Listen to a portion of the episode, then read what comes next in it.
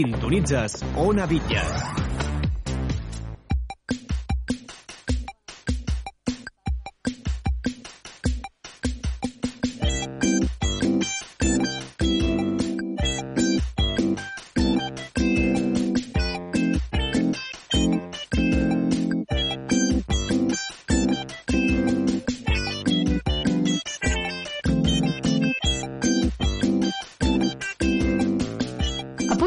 Començar un nou programa de la Gruta de la Mitjanit. Històries per als més grans perquè entreu al meravellós món de la radionovela, o com ens agrada dir a nosaltres, de la ficció sonora.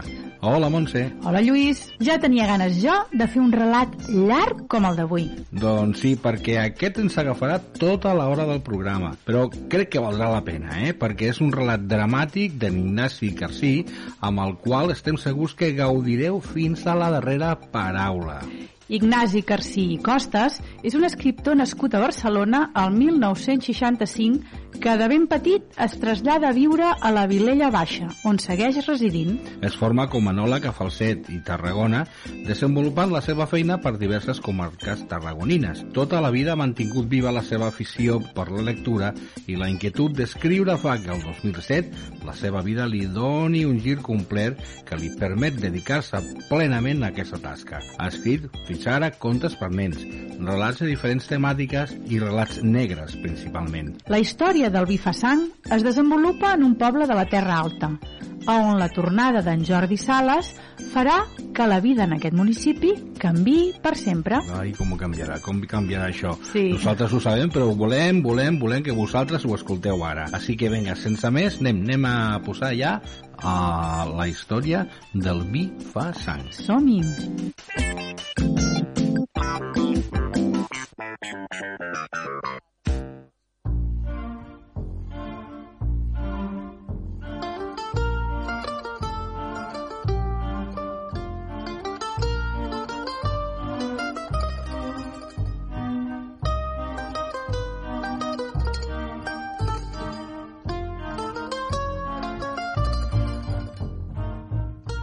La dona del Manel havia recollit de la bústia un sobre marronós.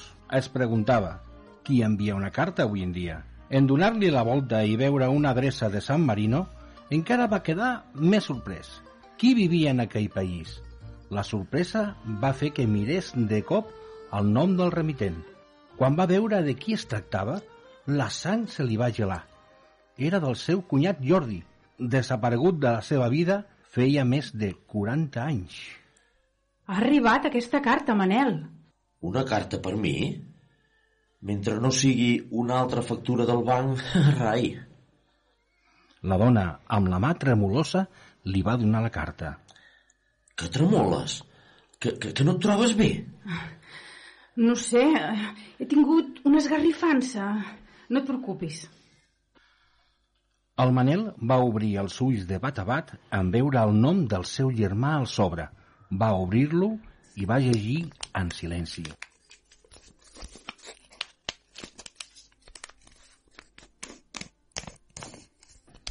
Què hi posa?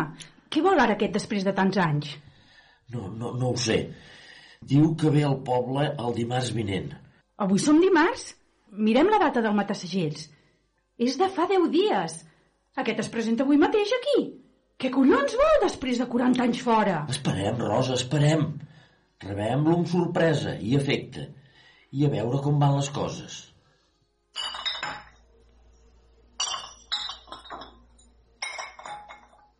Si no ens donem manya, avui no acabarem d'embotellar la pedra seca de l'any passat. I jo demà ja torno a treballar. Aprofitem avui que, que és festa. Pare, jo no puc anar més ràpida. Les botelles se m'amunteguen soles. Va, no remuguis tant, que fa només una hora que has baixat. Ton pare i jo portem tot el matí al celler. Ja hem preparat el vi, el material, la màquina, les etiquetes... Això, parlant de les etiquetes, aquí de vosaltres dos se us va ocórrer posar-hi el vi fa sang. Penseu que algú voldrà veure un vi amb sang pel mig? És només un refran, filla. Au, fes via, que cal acabar l'embotellada avui. No podem deixar res de vi a la tina per demà. Sang, sang, sang! deia la Marta fent broma. Esquitxava els pares amb una mica de vi negre que tacava com la tinta xinesa. La Magda, la seva mare, reia mentre li feia canyotes i amb la mà li feia llestos perquè taqués més el pare.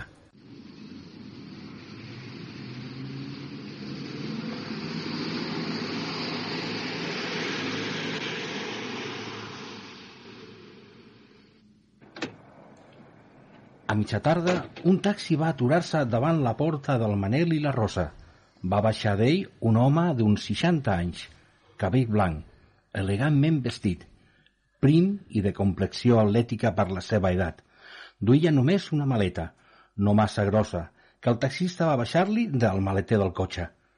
L'home va pagar-li el trajecte i el taxi va desaparèixer ràpidament pel carrer recte, com ell el recordava.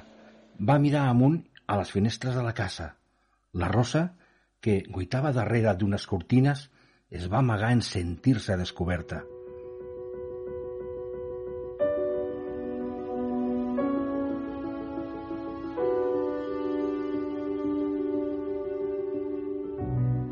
Era el dia de Sant Marc, patró del poble, i la gent, alient al que passava, anava pel carrer cap al casal del poble a xerrar amb les colles que es formaven. En Giorgio era altre cop Jordi. Va trucar a la porta esperant resposta. El Manel va baixar a obrir-la i en trobar-se de cara amb el seu germà va aturar-se mirant-li les faccions envellides i els cabells blancs. Quan van coincidir i van mantenir la mirada uns segons es van abraçar. Tots dos tenien els ulls plorosos i no ho dissimulaven. Noi, jo comptava que mai més em veuria ja. No, no podia marxar d'aquest món sense tornar-te a abraçar. Que, que estàs malalt? No, no. Que jo sàpiga, estic com un roure, però mai se sap. I més a les nostres edats. Bé, tu ets jovenet, que jo sóc dos anys més gran. Pots comptar. Puja, puja, que veuràs la Rosa. Està una mica inquieta, disculpa-la. Des de la mort del fill petit, que no ha estat mai més la mateixa. Em sap greu. Hauria d'haver vingut, però... Puja, puja, puja, ja tindrem temps de parlar-ho. Que marxes aviat? No. De fet, he vingut a quedar-me. Però no pateixis. He agafat una habitació a la pensió de la Paquita. Quan trobi una casa, m'hi trasladaré. D'acord, Jordi, o Giorgio. Com haig de dir-te ara? Jordi, per descomptar. Tots dos homes van pujar per l'escala estreta que els duia al menjador i la sala d'esbarjo. Darrere una butaca, la Rosa, la mateixa que recordava el Jordi, estava a peu dret com una columna, seriosa com una lleona a punt de caçar, desconfiada com una lloba vigilant els cadells. Evidentment que havien passat 40 anys, però seguia conservant aquella elegància innata que només els és otorgada a certes persones i amb la mateixa expressió de quan de jove s'enfadava per alguna cosa. El Jordi es va quedar sota el bastiment de la porta, mirant-se tots dos, emmudits. Finalment, en veure que ni ella reaccionava ni el Manel trencava la situació cada cop més tensa, va dir Ho sento, Rosa. Ho sento molt. Hauria d'haver estat aquí. Més d'una vegada. Què vols ara, Jordi?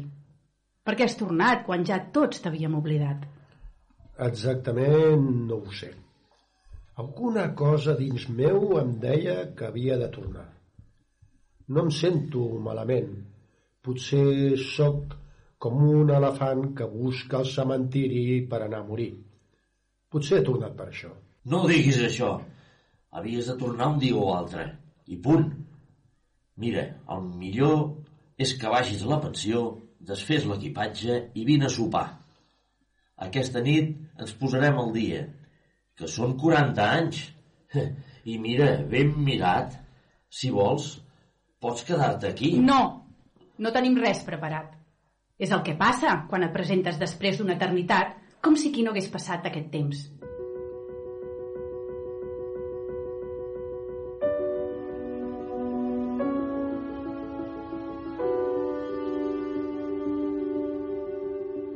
Només va desaparèixer el recentment arribat per la cantonada Anant cap a la pensió, la Rosa va començar a escredissar el Manel.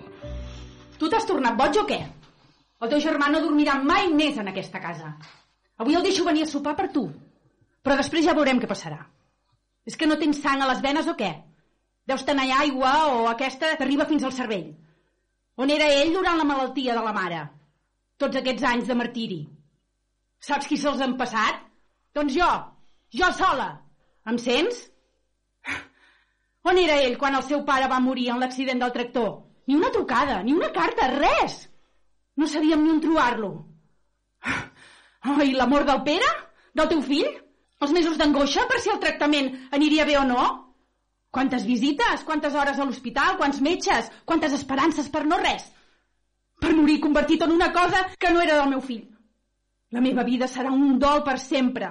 Per sempre més desitjo la mort. El meu fill, pobret. Per què va haver de morir? I ara torna aquest? I tu poses una cara com si haguessis vist la Verge Maria. És que no et suporto. Això és l'últim que em podies fer. Per què creus que ha tornat aquest mort de gana? Pels diners, Manel, pels diners. Perquè si no, i oferir-li la casa. On has de dormir? Al llit on va morir el Pere? Al llit on va morir ta mare? O aquí al menjador on vas tenir el taüt de ton pare? Tens per triar? Quin lloc li vols deixar per dormir? A sobre que ve a robar-te el poc que vam aconseguir pels teus pares. Que no recordes? No recordes que treballàvem com rucs? A la vinya, als ametllers i a la granja? Que no recordes que no hi havia ni festes, ni diumenges, ni cap d'any? Sempre treballant. Com pots mirar-lo a la cara? Com pots parlar-hi? Com pots convidar-lo a casa nostra? Aquí va néixer, però ja veus com se l'estima la casa. 40 anys sense saber-ne res. I nosaltres? Nosaltres anant enterrant pares i fills.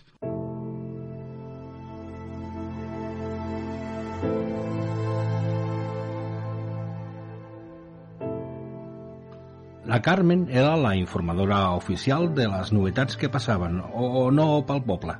La qüestió era poder fer una estona de safreig amb algun grupet ben seleccionat per no tenir malentesos eh, extras. Ella, desesperada, corria pel carrer per trobar algú. Feia anys que una notícia com aquella no arribava al poble. El Jordi ha tornat! Eh, tu creus o no? Anava pensant. Mentre amb els ulls buscava un objectiu per poder abocar-li tot el verí. La gent devia estar al ball perquè no trobava ningú i totes les portes estaven tancades fins que va arribar al celler del poble vell, el del Josep i la Magda. Va empènyer la porta i sense cap mania va començar a parlar a raig. Encara no sabeu? Deveu ser els únics del poble, que és molt gros, però per Sant Marc, que una cosa així no me l'esperava. Teniu una mica d'aigua? És que m'ofego de l'impressió.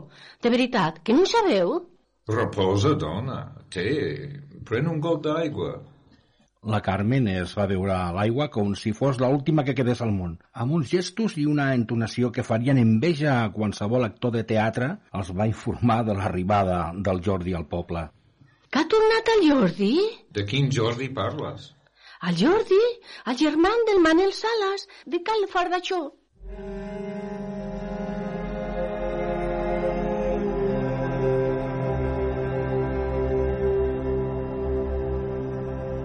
En aquell moment, la Magda, que tenia d'esquena el seu marit i la seva filla, va empaladir fins que la pell va quedar color de cera blanca. S'assegués en un tamboret i amb els ulls buscava un lloc per on fugir d'aquell celler, d'aquella casa, d'aquell poble. El Josep llavors es va girar. Hòstia, aquesta sí que és bona, Carmen. Però si tothom es, el donava per mort i enterrat, aquest paio. Ho sents, Magda? Ei, que no et trobes bé. No sé què m'ha agafat. Com una esgarrifança. I he tingut un mareig. Ja em passarà. Deu ser la pressió. Com sempre la tinc baixa. Puja a dalt i estira't una estona. Mira, al final, si no acabem avui, doncs ho deixem per demà, al vespre.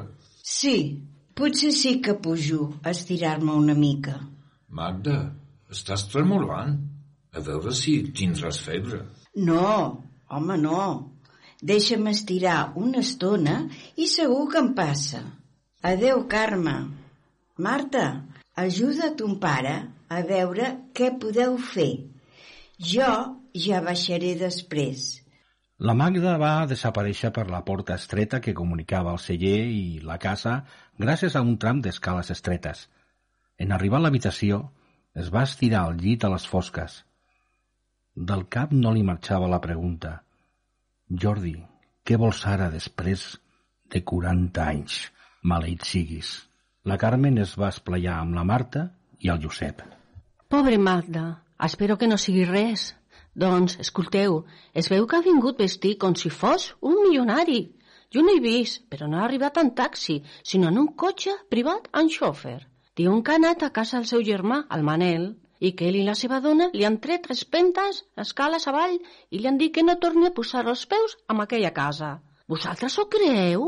Fer-li això a un germà que fa tant de temps que no veus. No vull dir res, però una mica de compassió, no? I ell es porta diners. Mira, a tots em va bé els calerets, i si t'has d'empassar alguna cosa, doncs, coll avall i a la butxaca plena. Què creieu? Serà capaç d'anar al ball aquesta nit? Seria una tornada espectacular. Escolteu, i si ha vingut en una palla que encara no hem vist? Oh, segur que és una d'aquestes totes estirades que li fa fàstic seure en les cadires de la fusta del casal. Sí que serà un Sant Marc ben celebrat. Apa, en ple ball ja els veig entrar per al del bracet i això si no han vingut a un fils, que potser ronden com tu, Marta, la quarantena. En fi, un dalt a baix per al poble. I on aniran a dormir tota la colla si el germà no els deixa entrar a casa? Encara hauran d'anar tots a dormir a Gandesa. Apa, apa, tots cap a la capital. Es veu que el seu poble ningú es vol acollir.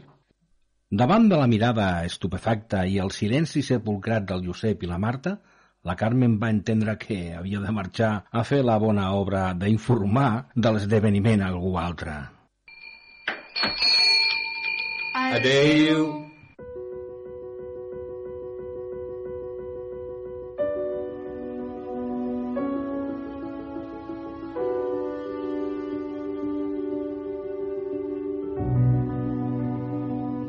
El Jordi va trucar a la porta de la casa del seu germà.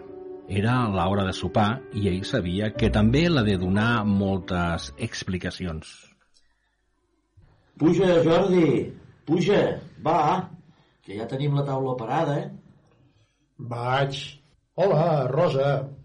T'agraeixo novament que em rebis a casa. Meva, a casa meva. Ho tens clar? Perquè tu es veu que durant 40 anys no t'ha fet falta per res. Va, vull tenir el sopar en pau. El noi és al ball amb la dona i la canalla. Després t'ensenyaré fotografies i demà els anirem a conèixer. Serà un plaer. La Rosa va servir la escalivada que havia preparat amb l'encencenalls d'un pernil que havien encetat feia pocs dies. Doncs a nosaltres ja ens veus. Estem casats, vàrem tenir dos fills, però malauradament, què t'haig d'enganyar? Aquest dolor ja no marxa mai. Vindrà amb mi fins al cementiri i només desitjo que allà s'acabi. Ho, ho sento molt per vosaltres. Pots comptar. Fes el favor, dona. Deixa'ns parlar tranquils. Abans ja li has dit tot el que calia, oi? Bé, pel que fa a mi, encara que sembli que he d'explicar moltes coses, la veritat és que ho puc resumir en unes poques paraules. No te n'estiguis d'explicar detalls, Jordi. Encara que sigui després de 40 anys, la sang segueix cridant a la sang. Tinc curiositat de saber què ha sigut de tu durant tot aquest temps. Eh, quan vaig marxar i recordo que justament era la nit de Sant Marc, vaig embogir i no sé la raó. Semblava que sortir del poble era com sortir d'una presó que m'ofegava.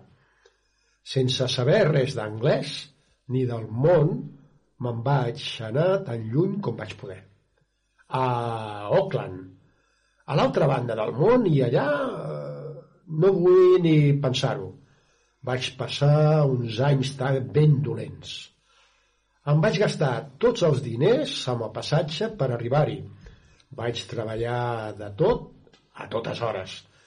Cada dia fins que, al cap d'uns anys, Vaig prosperar una mica i em vaig ficar en el negoci de la pesca. No vull ser un fanfarró, ni vull faltar-te respecte, Rosa.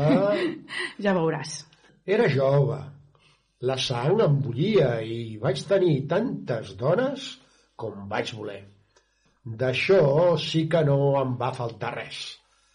Ara penso que hagués estat millor menjar i dormir millor i tenir menys dones al llit, però bé, ara també tinc una altra edat i les coses es veuen diferents. Vaig fer amistat amb un capità d'un vaixell balaner que un dia, de sobte, em va proposar anar a Noruega a treballar com a tècnic de les seves oficines a Tromsø, el lloc més allunyat del món, tocant al cap nord. Per aquells anys ja parlava un anglès més que acceptable, però, és clar, de noruec ni una paraula. Perdoneu-la, li vaig fer jurar que no us ho diria mai, però de tant en tant trucava a la Montserrat de Cal l'Escarbot i m'anava informant de com us anaven les coses. Això sí, no li vaig dir mai des de on la trucava. No sé quina força hi havia perquè jo no tornés aquí i que vosaltres sabéssiu res de mi.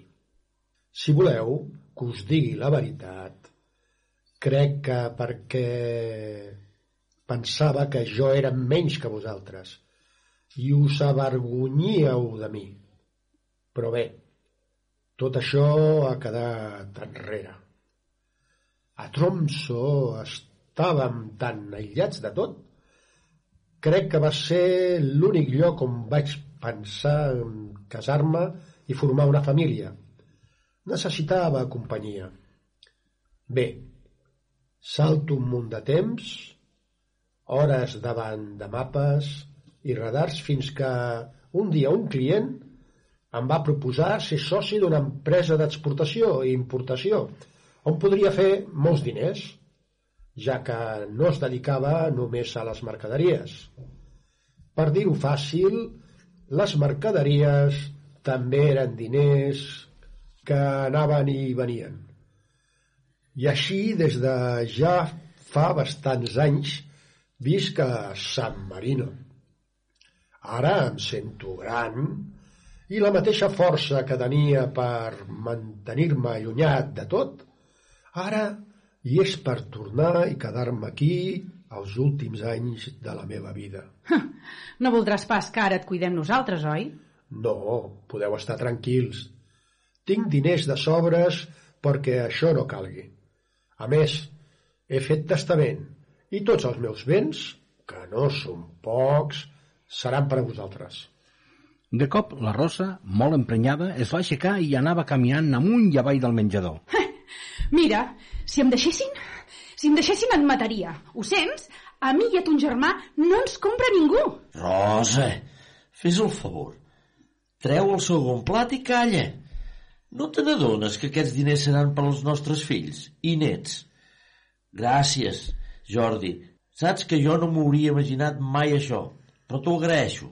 És un bon gest per la teva part.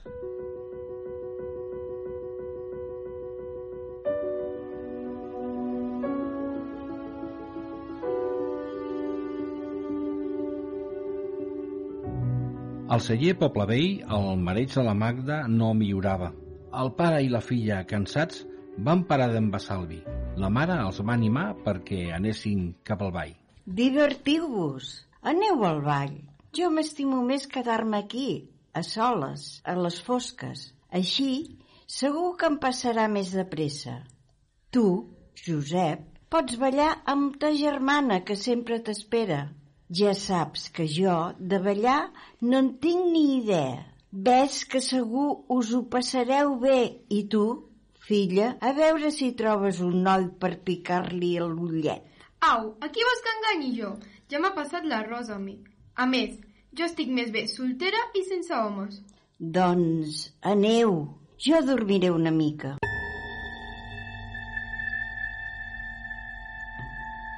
La Magda, però, només donava voltes damunt el llit. Tenia mal de cap, mal de panxa, tremolava tota, però la veritat és que tot venia de l'angoixa que l'havia provocat la notícia de la tornada d'en Jordi.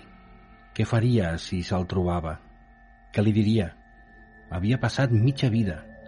Va aixecar-se i caminava per tota la casa mirant per la finestra de tant en tant per si el veia travessar el carrer. Tot el que havia dit la Carmen. Ho havia sentit tot. Fins on arribava la veritat i fins on les seves imaginacions. Tothom sabia que a la Carmen li agradava exagerar les coses. A poc a poc i sense intenció de fer-ho conscientment, va obrir la porta que comunicava amb el celler i va baixar les escales. Un cop a la bodega, passejava gairebé en la foscor entre les tines i les botes, nerviosa i amb el cor palpitant a tota velocitat.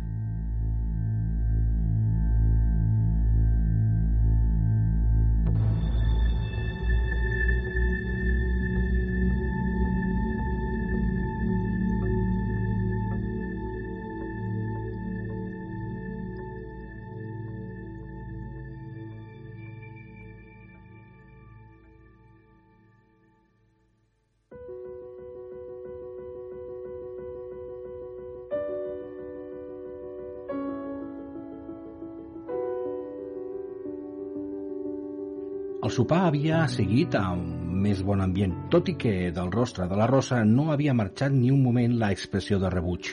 El Jordi es va esplayar amb més detalls dels jocs on havia viscut i de les feines que havia fet. El Manel també li va explicar com havien anat les morts dels pares i més poc de les del fill, ja que cada cop que ho intentava la emoció li tallava la veu i els ulls es convertien en unes basses de llàgrimes van quedar d'acord que l'ajudarien a trobar una casa on instal·lar-se i a recobrar la relació perduda durant tots aquests anys. El Manel no volia saber res dels motius que el van fer prendre aquella decisió i de per què no havien dit res en tants anys. A més, sent conscient que era sabedor de la mort dels pares i del fill, perquè era un home pràctic. Tot quedava enrere i ara començava una nova etapa que havia de durar molts anys. La Rosa, però, no era com ell i l'ovi que sentia no li marxaria tan fàcilment. Els diners estaven molt bé, sí, però l'ovi se li aferrava al pit i a l'estómac. Aquell ovi que, en un rampell, et fa ser capaç de matar algú. Aquest és l'odi que sentia ella. Es van acomiadar. Era ja tard i el Jordi estava cansat del viatge. Aquella matinada havia sortit a quarts de sis des de Serravalle a San Marino i ara ja feia masses hores que anava pel món. Demà vine a dinar, Jordi. Després podem anar una estona al casal i veuràs els de la teva colla. Els trobaràs a tots grans. Veuràs que bé, que s'ho passen jugant al dòmino tota la tarda. Gràcies, Manel, així ens ho farem. Bona nit, estic content de poder abraçar-te. Bona nit, Rosa, gràcies pel sopar. I entenc la teva ràbia. Procuraré que vagi passant. Bona nit.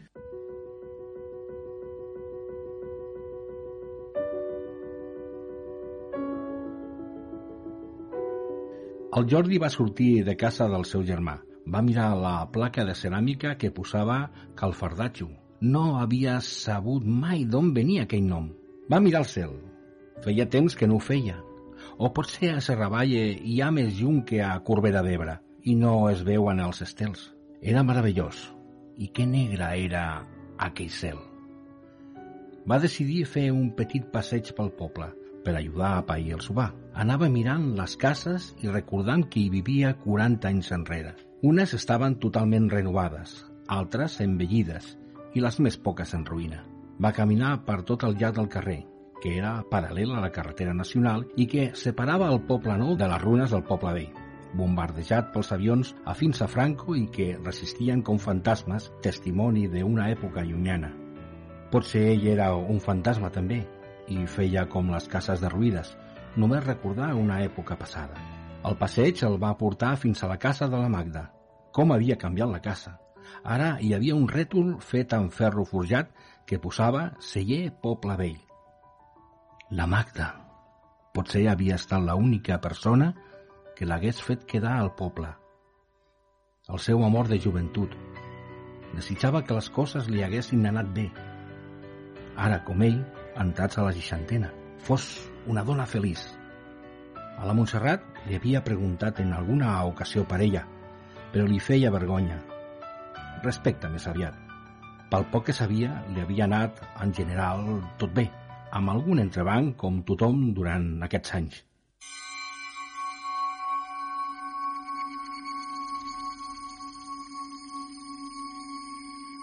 Va veure la porta entreoberta del celler i, imprudentment, la va empenyar. Va entrar i una mica més endins es va trobar la Magda, de peu al mig de les tines. Hola, Magda, que em coneixes? Hola, Jordi, és clar que et reconec.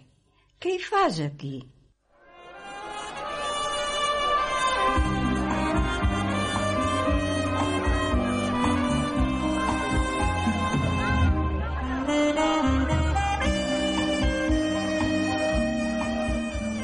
Josep ballava amb la seva germana i, com li havia dit a la seva dona, ella estava encantada de tenir ballador el dia de Sant Marc.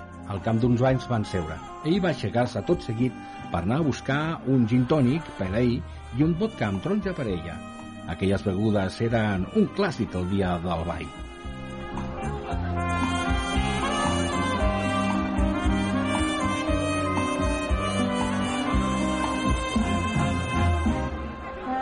Saps què diuen al poble? Suposo que sí. Ha passat la Carmen pel celler i ens ha deixat anar un rotllo sobre si havia tornat el Jordi Sales, amb família i tot. Ai, ja saps com és aquesta. Ha vingut ell sol. Es veu que per quedar-se aquí a passar la bellesa. Qui ho havia de dir que tornaríem a veure'l? Escolta, també he sentit a dir que ara s'estarà la pensió. Bona és la Rosa per tenir-lo a casa. Es matarien tots dos. Es veu que busca una casa per comprar. Què et sembla si li oferim la casa dels pares? Aquest deu haver vingut corregat de calarons. I nosaltres ens traiem un merdó al damunt. Per què la volem, aquesta casa, si ja en tenim un tou i un altre, jo? No sé, pot ser que esperem una mica, a veure com van les coses. Fa poques hores que és al poble i tothom ja fa plans. Jo sempre havia pensat comprar-te la teva part i donar-li a la Marta quan es casés, però el pas que va... Bé, tens raó, tampoc cal córrer.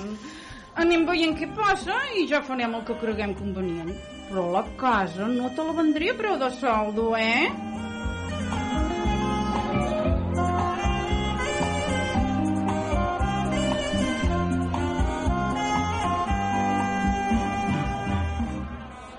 Van ballar uns quants balls més, fins que el genoll de la germana va començar a donar senyals de cansament. Ai, vaig a veure una estona. Aquesta maleïda cama sempre ha de fer la guitza els dies que em puc divertir més. Et porto una altra vodka? Va, sí, que avui li fotrem fort. I tothom sap que el vodka va bé pels genolls. Sí, i a tu et va bé de cap a peus. Escolta, vaig a casa un moment a veure com està la Magda i torno. No et busquis un nuvi més guapo que jo, mentrestant. El Josep va mirar pel damunt la gent i no va saber veure la Marta, la seva filla. Suposava que devia estar asseguda amb la seva colla per algun racó de la pista de ball.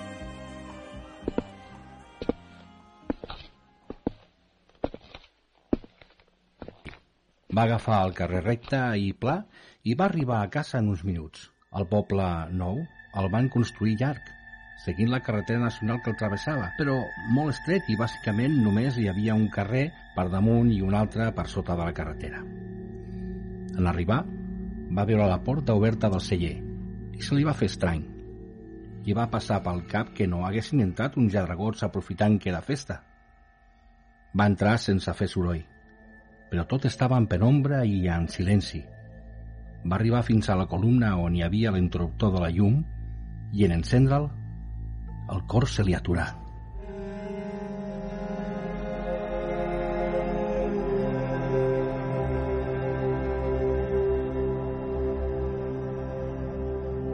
Es trobava amb els peus dins d'un basalt de sang.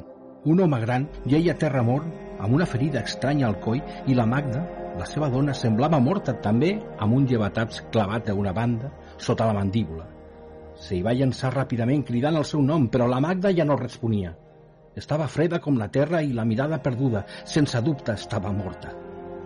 Tot ensangonat, va aixecar la vista cridant de pena. Llavors va veure que dalt de tot de les escales estava la Marta, asseguda en un escaló i paralitzada, amb els ulls i la boca oberta.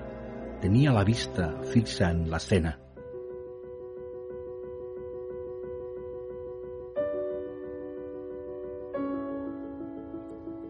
A la comissaria comarcal de Gandesa, en un despatx sense cap obertura a l'exterior, estaven la Marta, el seu pare, el comissari i un agent, intentant que la noia reaccionés i pogués explicar alguna cosa. Era el matí següent de la mort de l'home i la dona. La Marta, sedada, havia descansat unes hores. El Josep no havia pogut dormir en tota la nit. Els dos cossos estaven a Reus, a la unitat patològica forense de l'Hospital de Sant Joan. Ara era hora de posar el fil a l'agulla i resoldre la recerca i, si no, almenys encarar-la cap a una explicació lògica. Marta, ens hauries de dir què vas veure abans que entrés el teu pare al celler. Jo no, no. Marta, no entens res del que va passar. Com va morir la teva mare i com va morir el Jordi Salés. Tu ets l'única que ho vas veure. I aquí podem treure l'entrellat. Pren el temps que calgui. Estigues tranquil·la, aquí estàs segura. Recorre, fia, sisplau. Jo estava al ball amb la teva tieta i vaig anar cap a casa a veure com es trobava la mare. Vaig entrar al celler i tu estaves a les escales. El vi, el vi fa sang. Sí, això ho posa les ampolles del Pedra Seca. Què té que veure amb ahir a la nit? Jo vaig anar a casa a buscar una jaqueta. Feia fresca. En baixar de l'habitació, al menjador, vaig sentir cridar al celler. I de què anava la discussió? Es feien els retrets de 40 anys enrere. Què es retrien la teva mare i el Jordi?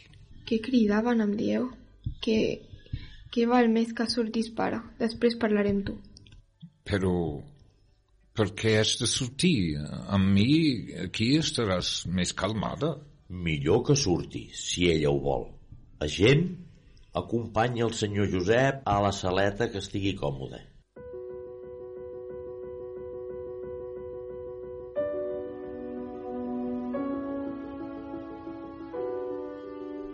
Van passar uns segons que es van fer eterns mentre el pare sortia amb la mà de la gent a l'espatlla. No entenia de cap manera per què no podia estar a l'interrogatori. I encara menys que no el volgués la seva filla. Digues, Marta, ara que estem tots dos sols. Què es deien l'un a l'altre? Parlaven primer.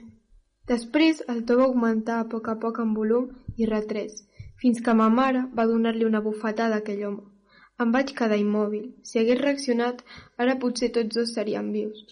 És normal tenir por i que aquestes ens impedeixin moure'ns. Tu no et capfiquis que no has fet res mal fet. Res. Només he deixat morir dues persones. Ho estàs fent molt bé, Marta. Té, mocadors, avancem una mica. Què va passar després de la bufetada? Ell no s'ho esperava, però perquè la mare li fes allò li havia de dir una de ben grossa. La mare és... bé, era molt calmada. Ell es va quedar com desorientat uns segons en silenci. Va fer un o dos passos enrere fins a recolzar-se a la taula que hi havia al seu darrere. Tenia les mans cobrint-se la boca, sorpresa d'ella mateixa. Silenci, i llavors... Què, Marta, digues. Ai, l'home devia trobar un llevataps sobre la taula i amb la velocitat d'un escurçó li va clavar fins al fons el coll de la mare. Jo seguia sense poder moure'm, ni tan sols vaig veure això. La mare va agafant un rampell una ampolla que se'ns havia trencat i li va tallar el coll o li va clavar, jo no ho sé, no ho sé. No pateixis. Aquests detalls ens ho diran les autòpsies. La investigació, vull dir, no t'ha de preocupar. Però per què van arribar aquí a matar-se? Quins retret es feien? No van morir a l'instant, amb veus en pocs segons de diferència, intentant dir alguna cosa. Van caure de genolls, després estirats al terra. I finalment, altre cop silenci, més silenci, fins que el pare va entrar a celler i va encendre la llum. Molt bé, Marta. Vols aigua? Una infusió? No, no vull res, només, només vull morir-me. És normal que estiguis agitada i nerviosa, Marta. Vas veure com dos adults es mataven i un era la teva mare. Llavors, la Marta va començar a riure histèricament, fet que va desconcertar el comissari i el seu pare, que va sentir-la des d'un altre despatx. La meva mare, sí, sí que ho era, i tant que era la meva mare. Qui voldria que fos? Els dos es van matar. L'un a l'altre, i amb l'obridor i la puta ampolla del vi fa sang. Sap quan sang surt de dos coses? Litres, sí que era meva mare, sí. Calma't, Marta. Encara no has dit per què van fer el que van fer.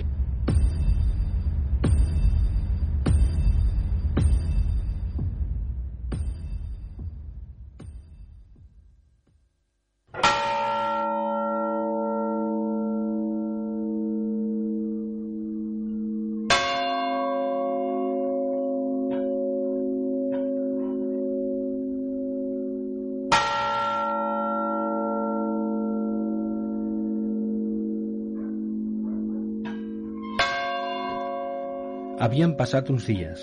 Els gossos del Jordi i la Magda ja eren de nou al poble. Avui feien la missa i els enterraven. A tots dos alhora i amb la casualitat que al cementiri ocuparien nínxols contigus. El poble estava concertat, aclaparat dels fets que havien passat els últims dies i de la confusió que encara hi havia en la recerca dels assassinats. Només un petit grup de persones sabia la veritat. La Marta, naturalment, el comissari i la gent, que havien decidit deixar passar l'enterrament per explicar-li al Josep tota la veritat. Una altra persona que ho sabia tot, o, si no, s'ho inventava, era la Carmen, la qual anava de grupet en grupet explicant tot allò que ella sabia, assegurava i sempre de fons certes. I l'última persona que ho sabia tot, però no d'ara, sinó des de feia 40 anys, era la Rosa. El seu marit i ella eren al portal de la casa, esperant que passessin els fèretres per davant cap a la iglesia. Ell plorava pel seu germà retrobat i mort per la pobra Magda. La Rosa només sentia pena per ella. Per ell, rebuig. Va recordar, la Rosa, 40 anys enrere, com la Magda li venia dia i nit amb històries sobre el Jordi, com s'estimaven. Tenien planejat marxar de Corbera a veure el món, com més lluny millor. La Marta, abraçada al seu pare, caminava darrere del taüt de la seva mare i al cap li ressonaven els grits que donaven tots dos al celler aquella maleïda nit. En aquell celler, en aquell retrobament, per una la vida era massa curta per poder gaudir-ne i per una altra ja era massa tard per tornar a començar. La Magda li va confessar que la Marta era filla seva, del Jordi, no del Josep, i que l'havia amagat durant tots aquests anys a tothom. El Jordi li va retreure que si li hagués dit que estava embarassada abans de marxar a Auckland, ell s'hauria quedat. Mai no va entendre per què a última hora no el va seguir, per què va desdir-se i ara, amb una filla de 40 anys, es desesperava pensant el que s'havia perdut.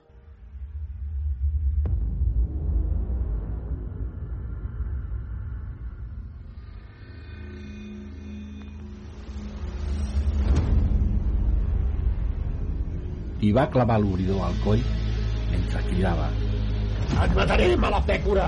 M'has robat una filla! No vas preguntar mai més per mi. Vas desaparèixer. Jo et volia retenir i t'ho haguera dit quan t'haguessis posat de nou en contacte amb mi. amb el poc fil de veu que li sortia mentre li clavava l'ampolla trencada fins al fons.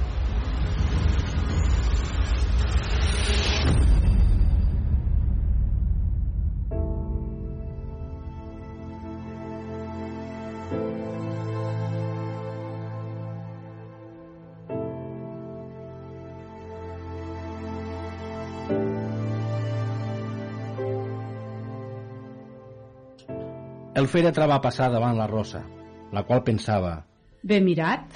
Per nosaltres la cosa no ha acabat tan malament. Força calarets tocarem pel Jordi i d'aquest lloc de San Marino que no sé ni un pare. Bé, del Giorgio, com posava la carta. Li diré al Manel de marcar-la i penjar-la al menjador. I ell segur que li farà molta il·lusió. Imagina't, l'única i alhora l'última carta del seu germà en 40 anys. La Marta ja veia la porta de l'església. Sabia que entraria a ella agafada de la mà del Manel, del seu pare durant 40 anys. Però quan sabés la veritat, què passaria? No sabia com hauria de dir-li, si pare o Manel.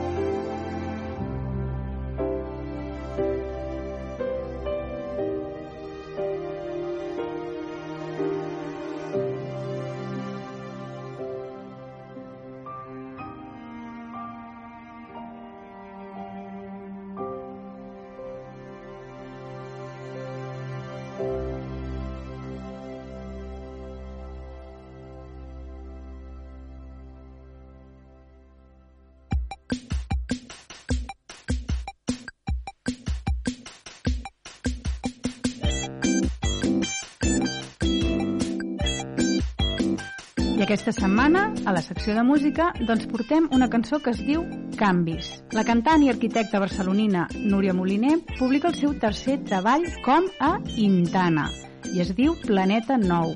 El nou disc explora l'utopia i s'enfronta a l'eco-ansietat i a l'anàlisi del propi jo. L'artista explica que el disc representa la seva manera de viure al món, d'intentar sobreviure i de viure amb coherència el seu dia a dia. Canvis és el segon senzill d'aquest treball i parla d'això, de canvis, de la por, la incertesa que tenim moltes vegades, aquests canvis que moltes vegades ens venen a veure. Doncs què millor la música aquesta per acabar el programa d'avui de La Gruta de la Mitjanit. Escoltem Canvis. Adeu. Adeu. Tinc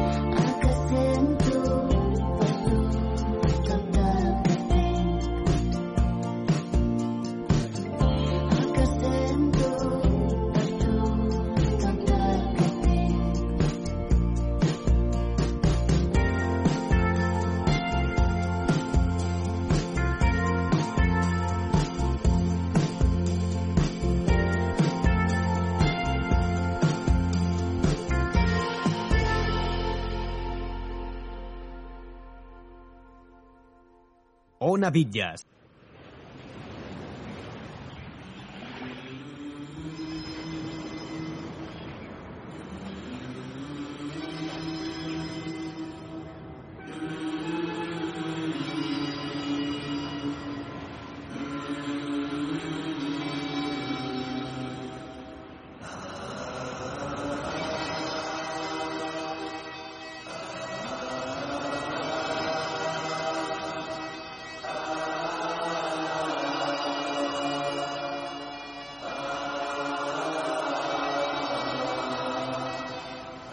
rivers of